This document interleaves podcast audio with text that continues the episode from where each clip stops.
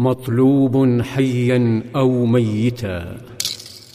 بعد كل صلاة فجر يتأجج الشوق في قلوب الأنصار فيحملهم إلى مشارف يثرب. تتطلع قلوبهم للقادمين للمطايا علها تحمل حبيبهم صلى الله عليه وسلم. فإذا ما اشتد حر الظهيرة عادوا لكن شوقهم يتجدد مع كل صباح ويشرق مع كل شمس. أما في مكة فيواصل علي إعادة ودائع نبيه صلى الله عليه وسلم. وبدلا من أن يشكره الطواغيت أرسلوا إلى القبائل والمضارب حولهم رسلا تغريهم بدم محمد مقابل مائه بعير. ها هو صلى الله عليه وسلم ينزل وصاحبه من الجبل فيأخذان راعي الغنم ابن فهيرة معهما وينطلقان نحو مكان قد أنيخت فيه ثلاث نياق يقوم عليها دليل اسمه عبد الله بن أريقط.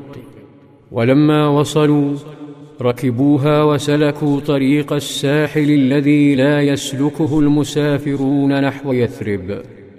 وفجأة يراهم رجل من عشيرة بني مدلج فيشك أنهم المطلوبون فينطلق مسرعا نحو مضارب قومه يتلفت يبحث عن فارس قومه سراقة بن مالك عله ينال منهم فيحذيه من المكافأة.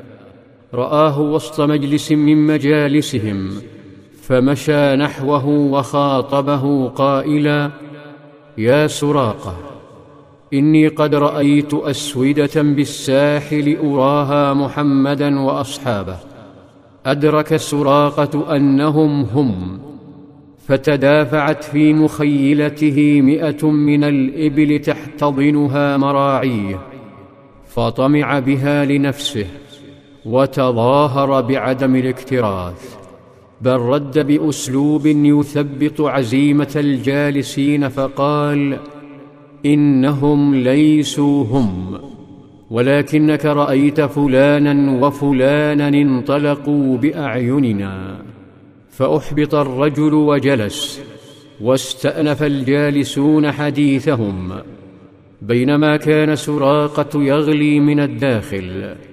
ظل يشتت انتباههم ثم استأذن بعد ساعة ونهض بهدوء.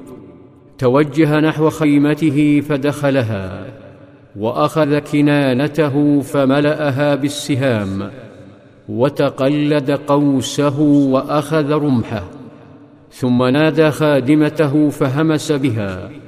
وأمرها أن تخرج فرسه دون ضجيج خلف مكان مرتفع بحيث لا يراها قومه. ثم تسلل من وراء الخيمة يخط رمحه بالأرض. ثم تناول زمام الفرس من الخادمة واقتادها بهدوء حتى توارى عن القوم ثم ركبها. فانطلقت تنهب الأرض تحرث رمال الشاطئ حتى أبصرهم من بعيد لكن فرسه عثرت به فسقط وتدحرج على الأرض فنهض وعاد إليها ثم مد يده للخرج فأخرج الأزلام التي تشبه القرعة. يحملها الوثنيون ويستخيرونها فرماها في الأرض فخرج له أنه لن يضرهم. لكن طمعه عصى أزلامه فمضى على فرسه نحوهم. في ظلال السيرة.